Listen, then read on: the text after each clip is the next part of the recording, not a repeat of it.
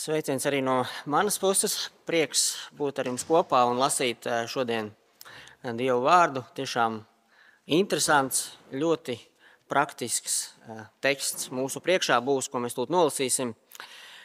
Tāpēc es aicinu, ka mēs varam atvērt romiešiem vēstuli, Pāvila vēstuli romiešiem 12. nodaļu un lasīsim mēs no 9. panta līdz nodaļas beigām. Draudzes bībelēs tā ir 1150. lapspuse. Pāvila vēstule romiešiem, 12. nodaļa no 9. panta.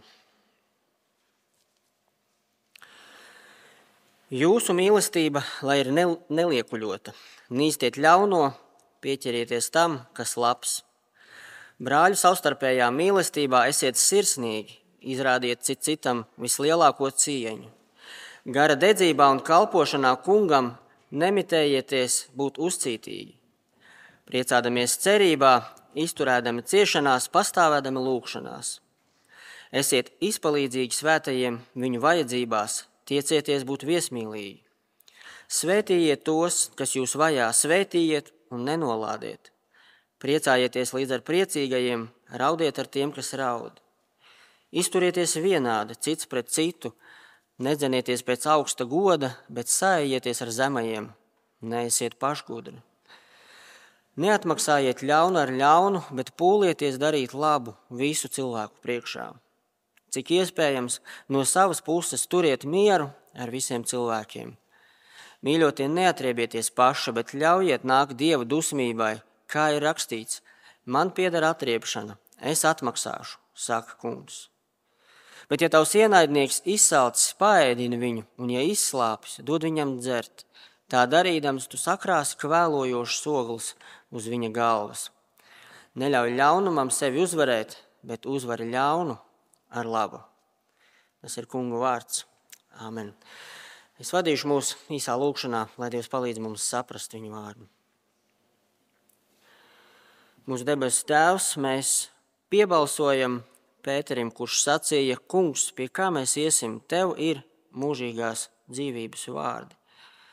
Mēs esam sanākuši tagad pie tavām kājām, lai klausītos tavos vārdos, vārdos, kuros ir mūžīgā dzīvība.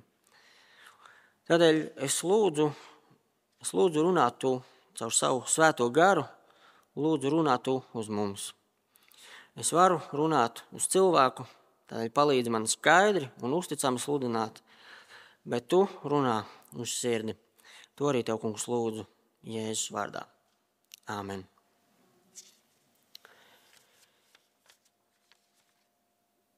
No viena grāvja otrā. Šis teiciens parasti nav pozitīvs teiciens.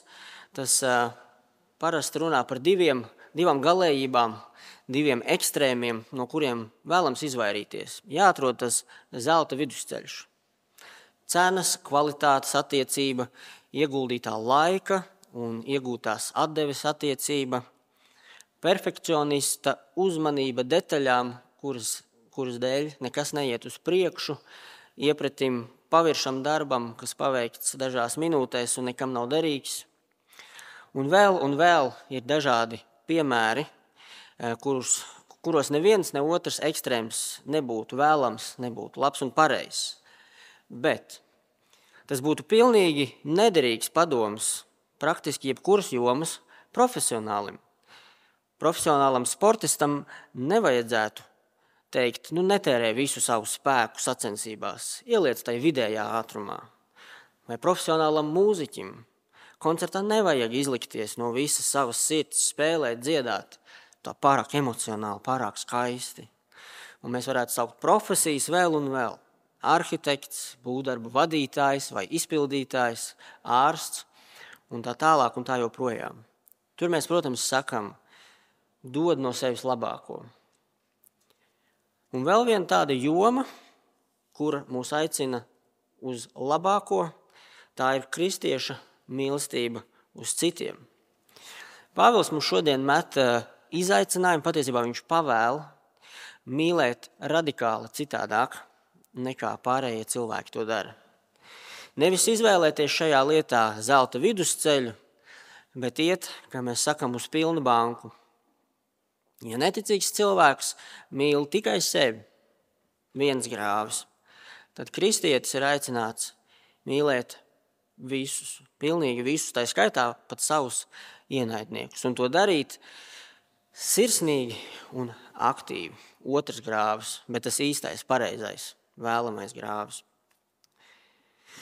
Mēs tikko nolasījām un pārdomāsim veselu strīpu ar, ar pavēlēm par to, kā izskatās kristīga mīlestība.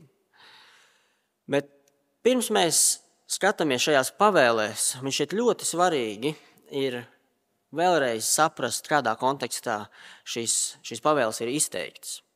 Mums ir jāpatur viens tas lielais, lielais jautājums, uz kuru atbild praktiski visa Romiešu vēstules otrā daļa no 12.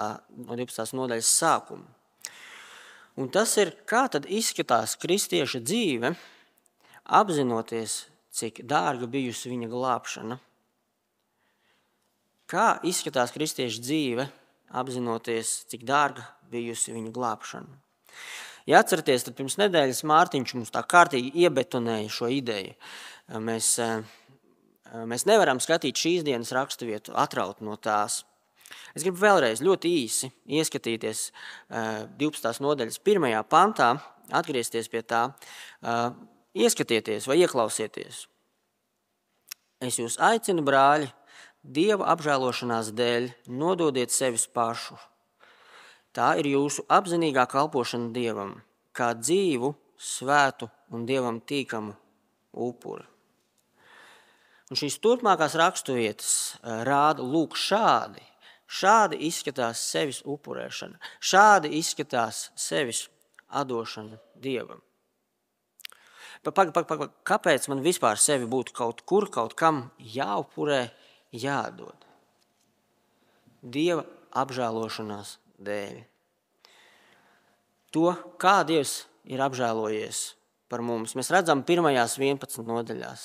Neuztraucieties, mēs neiesim tagad tam visam atkal cauri. Bet tā strādā īstenībā Pāvila vēstules. Viņš, eh, viņš sākuma daļā pasaka, ko Dievs ir izdarījis, Dievu paveikto darbu cilvēku labā. Otrajā daļā viņš raksta, kā cilvēkam ir jāatsaucās, ko tas cilvēkam nozīmē praktiski šīs patiesības gaismā. Un tad vēlreiz Pāvils rāda, kā izskatās sevis upurēšana. Un šajā reizē viņš runā par mīlestību. Es nezinu, cik viegli vai grūti Mārtiņam nācās saplānot sludināšanas kalendāru, bet viņam tas tiešām izdevās, ka tās nedēļas priekšvakarā, kurā tiek svinēta visu mīlētāju dienu, Valentīna diena, mēs svētdienā runājam par mīlestību. Super. Tad nu, tad nu ieskatīsimies eh, mūsu raksturvietā, 9. pantā, Eh, kāpēc 9. pantā tas ir kā virsraksts šai mūsu raksturvietai. Virsraksts un princips. Pāvils raksta, jūsu mīlestība, lai ir neliekuļota, nīstiet ļauno, pieķerieties tam, kas ir labs. Virsraksts ir jūsu mīlestība, lai ir neliekuļota. Vai citos tulkojumos, lai mīlestība ir īsta, patiesa. Kāds ir princips? Nīstiet ļauno pieķerieties tam, kas labs. Vārds, kas apzīmē liekulību, grieķu valodā nozīmē arī aktieris. Tāds, tāds kurš izliekas. Pavēle ir, lai mīlestība ir īsta, patiesa, bez izlikšanās, neliekuļota. Un kāda ir neliekuļota mīlestība? Tāda, kas nīst ļauno un pieķeras labajam. Te arī maza piebildīt par vārdu, par, par vārdu ļaunums nozīmi. Nevienmēr tas varbūt ir labi, bet šoreiz man liekas svarīgi mums ieraudzīt eh, to, ka šim vārdam, kas mums ir iztulkots kā ļaunums, oriģināla valodā ir divi iespējamie dažādi vārdi. Un šajā pantā, 9. pantā, eh, ir lietots vārds ar to tādu plašāku nozīmi. Nevis vienkārši slikts, bet tāds ļaunums, kas aktīvi nodara pāri. Tāds, kas neliksies mierā, kamēr ļaunums nav izdarīts. Un no šī vārda veidotais lietvārds ir ļaunais, tas ļaunais, sātans.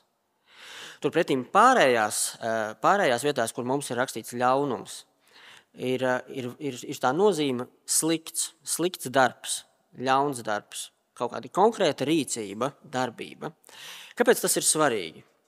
No, pirmkārt, tas ir svarīgi jo tas vēlreiz mums parāda, ka mums ir šeit tāda galvenā doma, tāds virsraksts šam, šai, šai, šai sadaļai, kas ir 12. nodaļā un īstenībā turpinās arī 13. nodaļā. Princips nīstiet ļauno, to lielo ļauno, kas pastāv. Otrakārt, otrkārt tas, es pasteikšos notikumiem uz priekšu, tas mums palīdzēs saprast pēdējo pāntu šajā raksturvietā. Neļauj ļaunumam sevi uzrunāt.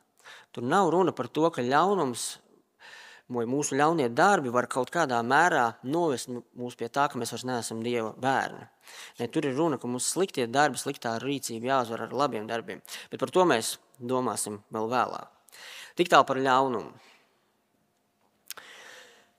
Tad, kad cilvēks kļūst par kristieti, viņš joprojām ir cilvēks, protams, jūs sapratāt, bet kristiešu dzīve ir pilnībā izmainīta. Es esmu jau šo salīdzinājumu lietojis uh, iepriekš par magnētu un tā poliem.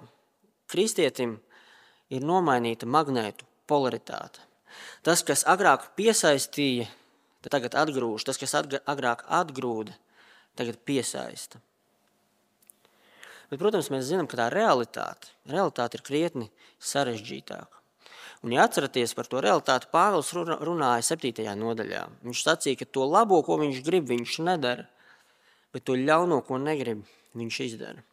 Bet pat šeit, pat šeit mēs redzam, ka tā gribēšanas polaritāte ir nomainīta. Labo viņš grib, lai arī neizdara, un ļauno viņš negrib, lai arī izdara. Jā, mums vēl locekļos, ja mēs to tā varētu saukt, ir šī muskuļu atmiņa, kur mēs izdarām, pasakām, padomājam, reaģējam pa vecam. Bet iekšā viss ir izmainīts. Un tāpēc tagad strādā. Strādā un proaktīvi maina savu šo muskuļu atmiņu, jo galu galā vecā daba ir grēcīga. Tā ir ļauna, tā nav laba, tā ir jāatmet. Mēs to tūlīt arī ieraudzīsim. Kristīga kristiešu mīlestība ir tāda, kas nīst, neieredz ļaunumu un pieķers pie labām. No viena ekstrēma uz otru, no viena grāvja otrā. Tāpēc iesim tālāk un aplūkosim, kā Pāvils šo principu mums parāda tādos konkrētos, praktiskos piemēros. Un mēs, mēs redzam, ka tā mīlestības at, aptver, ja mēs to tā nosauktu, ir ļoti ļoti plaša. Tā ietver gan tos, kas ir tuvāki, proti, brāļi, māsas, eh, draugi. Ietver arī tos, kas ir ārpus draudzes, un tā ietver arī tos, kas ir aktīvi ienaidnieki. Taču interesanti, kad mēs eh, lūkosimies šajos pantos, mēs nevaram viņus tā smuki sakārtot. No tā panta līdz tam viņš runā par draugu, no tā panta līdz tam viņš runā par ienaidniekiem, no tā panta līdz tam pantam viņš runā par ārpus draudzes kontekstu. Mums gribētos, ka tā varētu sadalīt. Vismaz man sludinot, tā gribētos, ka varētu sadalīt. Bet, kā viens komentētājs sacīja, tas vēlreiz pasvītro šīs raksturvietas, to ideju, to neliekuļoto mīlestību. Mīlestība, kas ir īsta, mīlestība, kas ir vienāda jebkur, jebkurā laikā un jebkurā kompānijā. Kristiešu dzīve nav sadalīta. Kristiešu dzīve nav, nav kaut kādos burbuļos eh, eh, sadalīta. Tā ir viens vesels, homogēna, viendabīga, vienāda. Lai kur arī to atrastos. Kā 16. pāns saka, izturieties vienādi cits pret citu. Tad nu sāksim ar to pozitīvo, ar mīlestību, kas pieķeras labajam. Es aicinu, ka mēs varam izlasīt 10. Eh, līdz 13. un tad 15. un 16. pāntus. Brāļi, savstarpējā mīlestībā esat sirsnīgi, izrādiet, izrādiet cit citam vislielāko cieņu.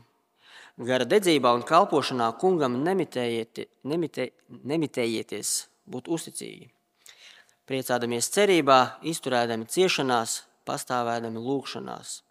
Esiet izpalīdzīgi svētajiem viņu vajadzībās, tiecieties būt viesmīlīgi. Priecājieties līdz ar priecīgajiem, raudiet ar tiem, kas raud izturieties vienādi cits pret citu, nedzenieties pēc augsta goda, bet sājieties ar zemajiem, neesiet pašgudri. Nu, Pāvils, kā mēs redzam, šeit izšauja ar pavēlu lielgabalu, vienu pavēlu pēc otras. Un mēs varam sataisīt tādu skaistu sarakstu ar mīlestības īpašībām. Sirsnīga, cieņpilna, uzticīga, izturīga grūtībās, izpalīdzīga, viesmīlīga, līdzjūtīga, pazemīga, nav pašgudra. Lūk, tāda ir mīlestība, laba mīlestība. Skaidrs? Nu tad ejiet un dariet tā. Ko mums iesākt? Ko mums iesākt ar šo pavēļu zalvi? Viens pieejams un nebūtu ne nepareizs ir salikt zem, tā, zem viena tāda uh, karoga un pateikt, piemēram, mīlestība tuvākajam nedara neko ļaunu. Un īstenībā tie ir vārdi, ko Pāvils saka nākošajā nodaļā, desmitajā pantā. Tāpēc par to domāsim nākošais nedēļa. Bet šeit nevelti Pāvils lieto tik daudz papīra un tintas, lai aprakstītu specifiski šīs situācijas. Iespējams, ka tās ir konkrētas situācijas, par kurām Pāvils zina, ka Romas draudzē ir šādas problēmas vai, vai šādas situācijas, tāpēc viņš tās arī piemin. Bet, bet iespējams, un ja mēs tā ieklausāmies, tā valoda, ko mēs dzirdam šais pavēlēs, ir tāda, ja mēs varētu viņu nosaukt vispārējās pakāpes valoda. Nu, kā tad izskatās pieķeršanās labajam, domājot par, mies, viesmīl, par mīlestību? Es būšu draudzīgs, parunāšos pēc dievkalpojuma ar tiem, kuriem man ir līdzīgas intereses, kurus esmu jau iepazinis. Vai es biju atnācis uz dievkalpojumu, bet neviens ar mani nenāca parunāties. Vai arī brāļu savstarpējā mīlestībā esiet sirsnīgi, izrādiet cit citam vislielāko cieņu. Es kalpoju draudzē, jo tā ir labi un pareizi. Tā pienākas, vai arī gara dedzībā un kalpošanā kungam nemitējieties būt uzticīgi.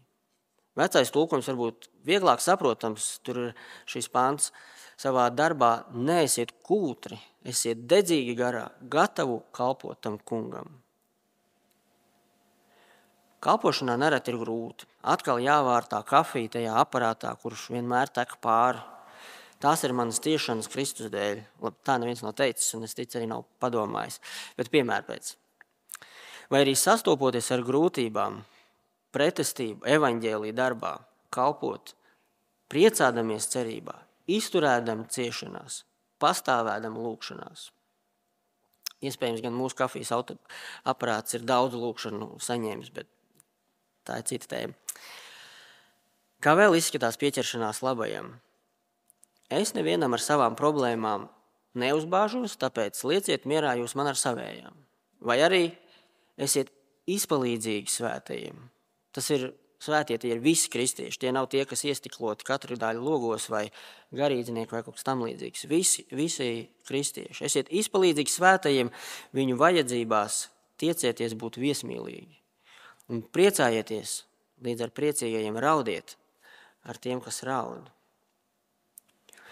Es jau desmit gadus vadu sēdienas skolu, vai tā kā nebūtu laiks man iecelt par diakonu vai pateikt vismaz paldies vai piedāvāt sabati gadi kalpošanā. Vai arī nedzenieties pēc augst, augsta goda, bet sājieties ar zemajiem, neesiet pašgudri. Es ceru, ka jūs saprotat, mani piemēri ir absolūti izdomāti. Tas nav nekas no tā, ko es būtu dzirdējis vai nojautis, kas draudzē varētu uh, skanēt, bet, uh, bet uh, es mēģināju piemeklēt tādus kontrastus kas reizēm, kaut vai domu līmenī, kādreiz var piezakties. Un, protams, kalpošana ir kalpošana, tajā var pienākt pagurums, vajag paņemt pauzīt. Ir reizes, kad vajag, lai kāds pieiet pie tevis, nevis tu ej katru reizi pie kāda. Bet tas jau arī ir tas skaistais šajā raksturojumā, šajā, šajā dzīves stilā, ja mēs viņu tā varētu nosaukt. Ja visi to dabīgi dara, tad tas, tas arī dabīgi notiek pats no sevis. Atliek tev kādu mirklīti, ilgāk nepieiet pie kāda pēc dievkalpojuma. Kad kāds jau ir piegājis pie tevis un otrādāk. Un, protams, mēs saprotam, šeit nav runa tikai par pusstundu vai stundu pēc dievkalpojuma, bet par visu kristiešu dzīvi. Pāvila aicinājums ir no viena grāvja otrā. Nepaiet pusceļu, Man nepatīk sliktais, bet es esmu gatavs darīt labu, ja man pašam kaut kas atlec no tā. Nē, no viena grāvja otrā. Nīsti ļauno, pieķeries labai, labajam. Kristiešu identitāte, kristiešu polaritāte ir izmainīta. Gal galā arī Kristus nevis vienkārši izglāba grēcinieku, bet pacēla un sēdināja to sev blakus debesīs. kā vēstule efeziešiem to apraksta, no viena grāvja otrā. Un droši vien jūs arī pamanījāt, eh, kāds ir konteksts, kādā Pāvils runā par šo mīlestību. Tā ir draudzene. Un šeit mums jāņem vērā pirmās, pirmā gadsimta Romas draudzes specifika. Pirmā gadsimta Romas draudzene sastāvēja no jūdiem un pagāniem. Mēs varam lasīt arī citās vēstulēs, kāda spriedze īstenībā bija viņu starpā. Jūdi pagānus sauca par suņiem, jo viņi jūdi taču ir īstā izredzētā dievu tauta. Bet šeit dieva žēlstība pieejama arī šiem pagāniem. Tā ir bijusi arī viena liela tēma vēstulē romiešiem cauri pirmajām 11 nodaļām. Pāvils parādīs, ka kā jūdiem, tā pagāniem nav ar ko attaisnoties Dievu priekšā par savu nepaklausību un vainu. Kā jūdiem, tā pagāniem ir dota vienāda žēlastība. Kā jūdi, tā pagāni ir vienādā statusā, stāvoklī, Dievu priekšā un draudzē. Bet realitātē viņa attiecības tik un tā nebija no tām labākajām. Tādēļ draudzēji Romā šis ir radikāls izaicinājums. Un mums nav, protams, šī specifika, bet tādēļ tas nav mazāk radikāls izaicinājums arī mums. Mēs, draugi, esam tik dažādi, un tas ir tik superīgi, ka mēs esam dažādi un visi vienoti Kristus dēļ. Bet mēs esam dažādi.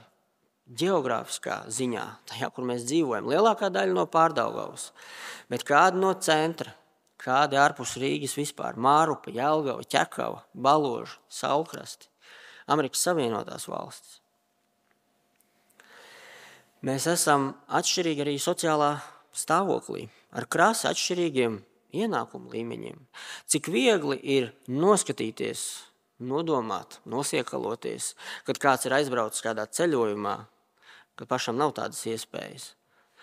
Bet raksts šodien izaicina brāļu savstarpējā mīlestībā esat sirsnīgi. Izrādiet cit citam vislielāko cieņu. Turīgiem ir izaicinājums palīdzēt mazāk turīgiem. Skaidrs, nav runa par komunistisku sociālismu veidu, kur tiek atņemts viss un izdalīts visiem. Bet jūs saprotat, esiet izpalīdzīgi svētajiem viņu vajadzībās, tiecieties būt viesmīlīgi. Mēs esam atšķirīgos vecumos, dzīves gājumos, apstākļos jauni, veci, precēti, neprecēti, ar bērniem, bez bērniem, pieauguši bērni. Dzīvē ejam cauri grūtam posmam, vai šobrīd, paldies Dievam, nav par ko sūdzēties. Cik viegli piezakties skaudībai. Tu nezini, cik man ir grūti. Bērni neklausa, vīrs vai sieva nav mājās, pašam jātiek ar visu galā. Kas tev nekaiš? Un daudz punktu. Tu nezini, cik man ir grūti, veselība, sašķobījusies, nezini, kā tikt galā. Kas tev nekaiš? Daudz punkts. Bet raksti mūs izaicina. Priecājieties līdz ar priecīgajiem, raudiet ar tiem, kas raud. Pat ja tev ir grūti, priecājies ar un par to, kurš ir priecīgs. Ja te, tev viss, paldies Dievam, ir, ir labi, zini, ka kādam tā nav un patiesi ieklausies ja iespējams, palīdzi. Un nepārprotam, protams, es nesaku, ka mums ir viss slikti.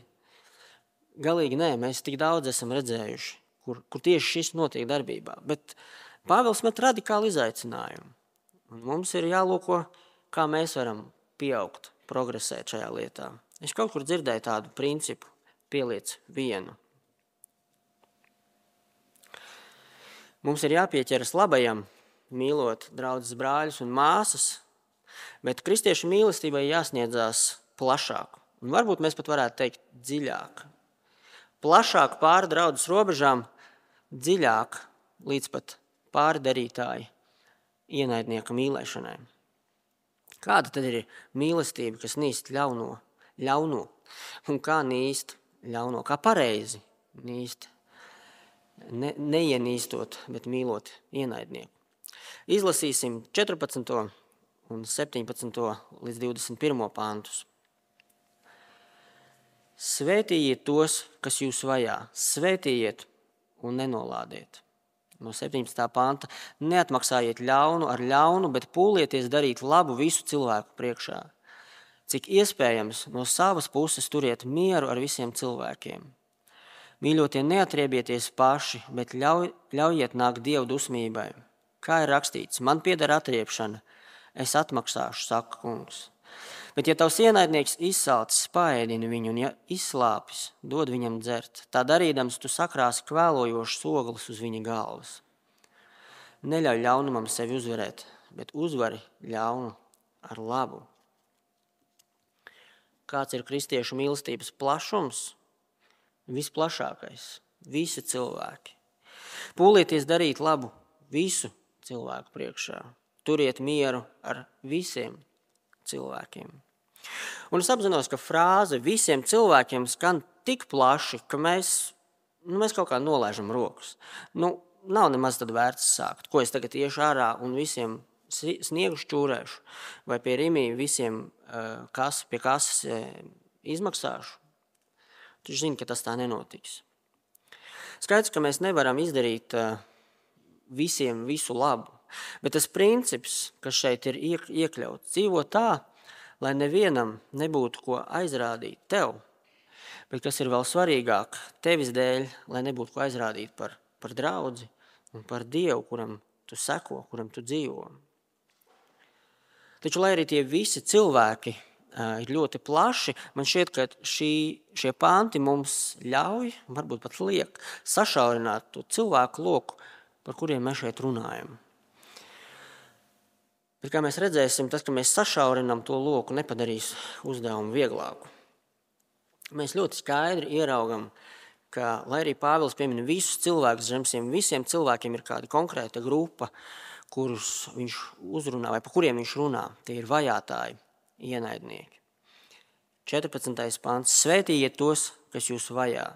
17. pāns. Neatmaksājiet ļaunu ar ļaunu. Tā tad ir kāds, kas dara ļaunu no savas puses turiet mieru. Tā tad ir kāds nemieris. Neatriebieties paši, neatriebieties par ko? Droši vien jau par pārdarījumu. Ja tavs ienaidnieks izsalcis, paēdini. Sastopoties ar ļaunumu, Pāvils liek mums paturēt prātā, ka šeit ir divas daļas, divas komponentes, kā tikt galā ar to ļaunumu. Tur ir dieva daļa Dieva rīcība un mūsu daļa, mūsu rīcība. Kas tad mums ir jādara? Ļoti vienkārši, bet tik trakoti grūti. Mums ir jādara labs saviem ienaidniekiem. Svētījiet tos, kas jūs vajā, svētījiet un nenolādiet. Neatmaksājiet ļaunu ar ļaunu, bet pūlieties darīt labu. Cik iespējams no savas puses turiet mieru ar visiem cilvēkiem.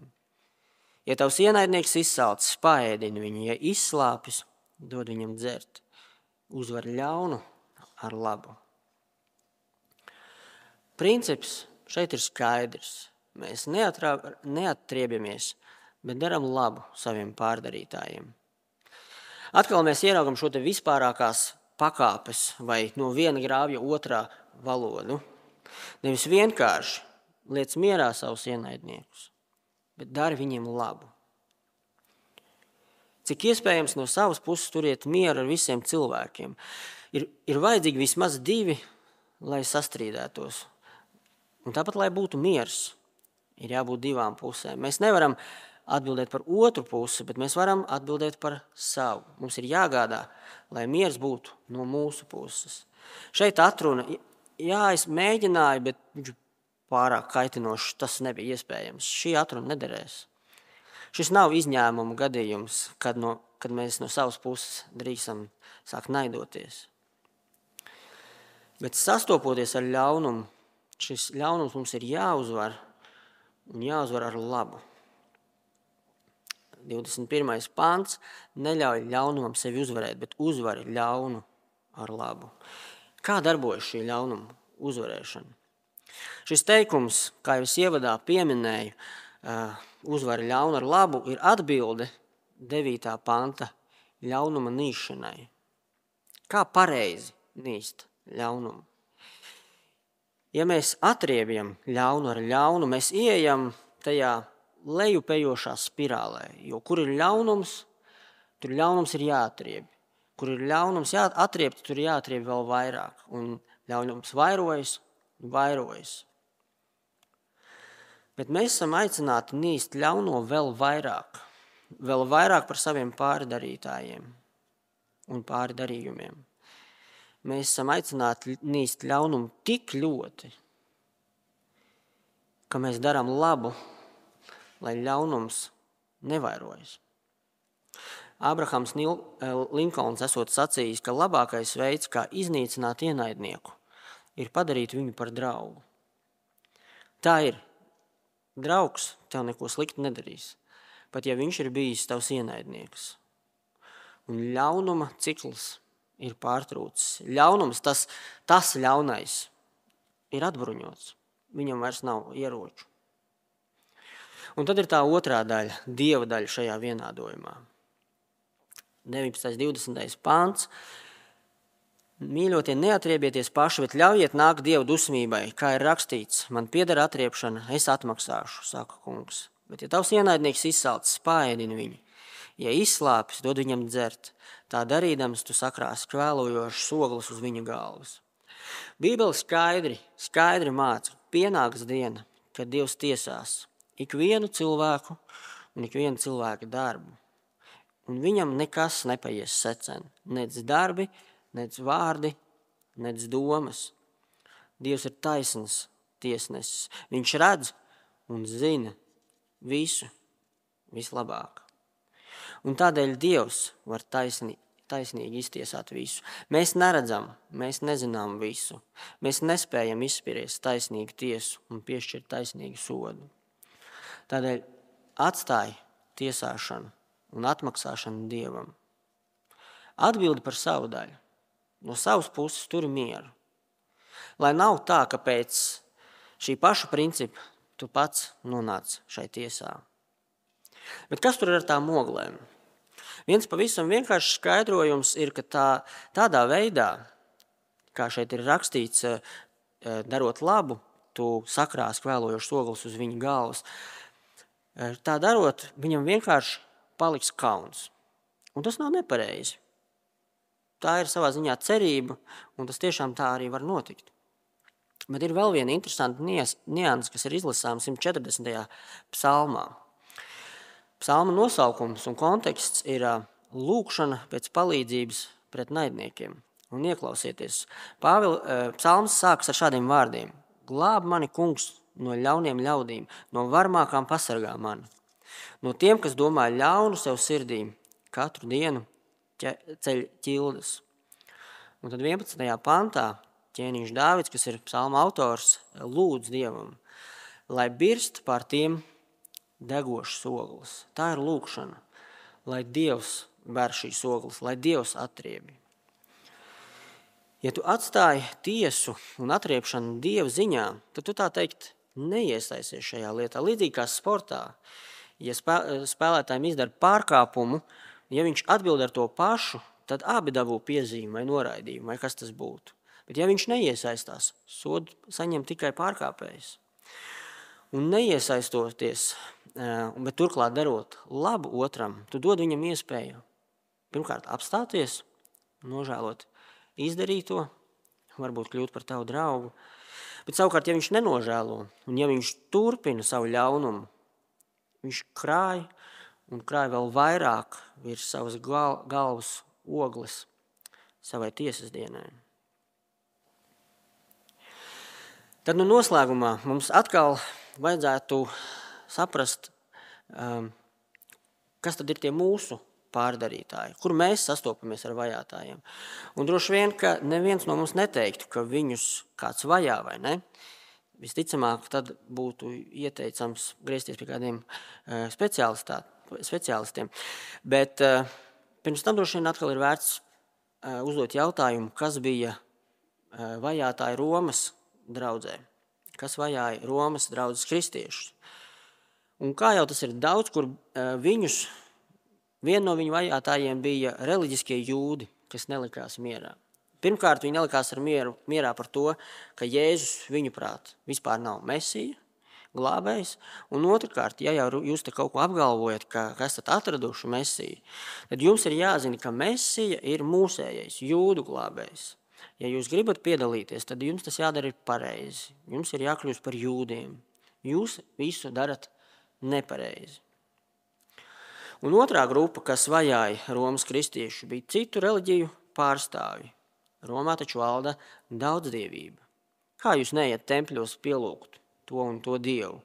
Tagad jūsu nepielūgšanas dēļ viņš sadusmosies uz mums.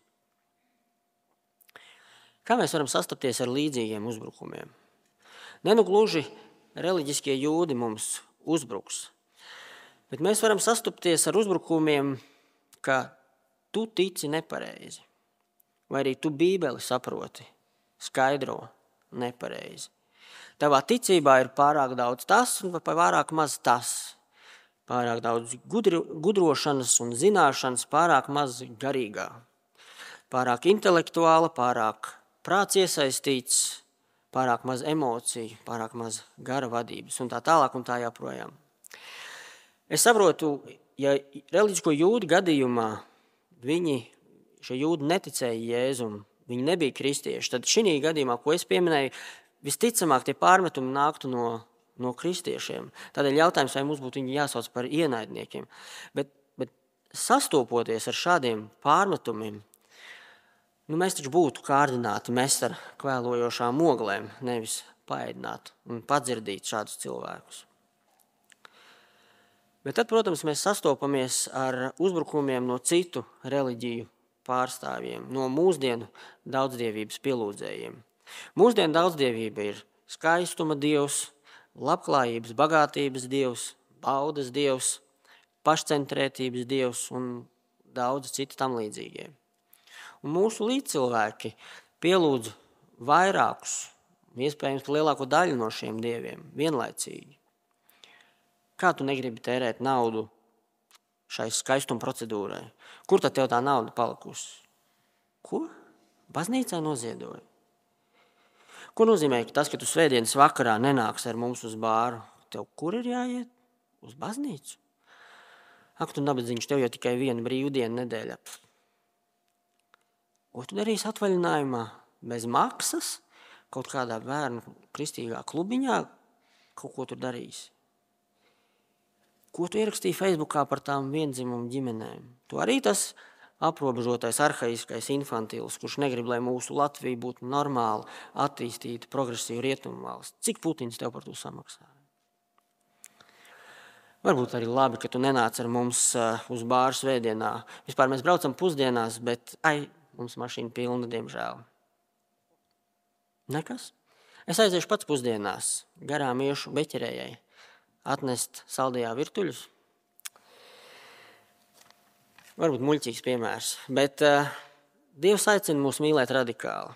Nav gluži Valentīna dienas mīlestība.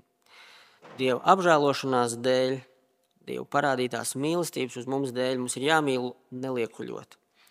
Pieķeroties labajam, nīstot ļaunumu. Tik ļoti, ka mēs pārtraucam ļaunuma ciklu, uzvarot to ar labu. Āmen.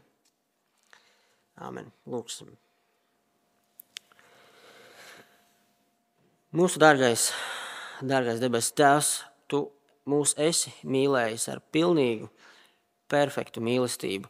Tu mūsu savus ienaidniekus esi mīlējis un izglābis no mūžīgas pazušanas. Bet ne tikai izglābis, bet sēdinājis blakus sev, blakus savam tronim. Tādēļ, kungs, piedod, ka mēs tik bieži esam sautīgi savā mīlestībā. Esam sautīgi tajā, kam mēs to dodam, kam mēs to nedodam. Lūdzu, maini, maini mūsu šo ieradumu meklēt savu labumu katrā situācijā. Savu labumu un arī savu drošību, kad sastopamies ar pārdarītājiem. Lūdzu, dod mums drosmi, drosmi arī saviem ienaidniekiem iziet pretī un darīt labu. Bet mēs apzināmies, ka kungs tam mums ir vajadzīgs tavs spēks. Tāpēc to mēs arī tev lūdzam Jēzus varenajā vārdā. Āmen!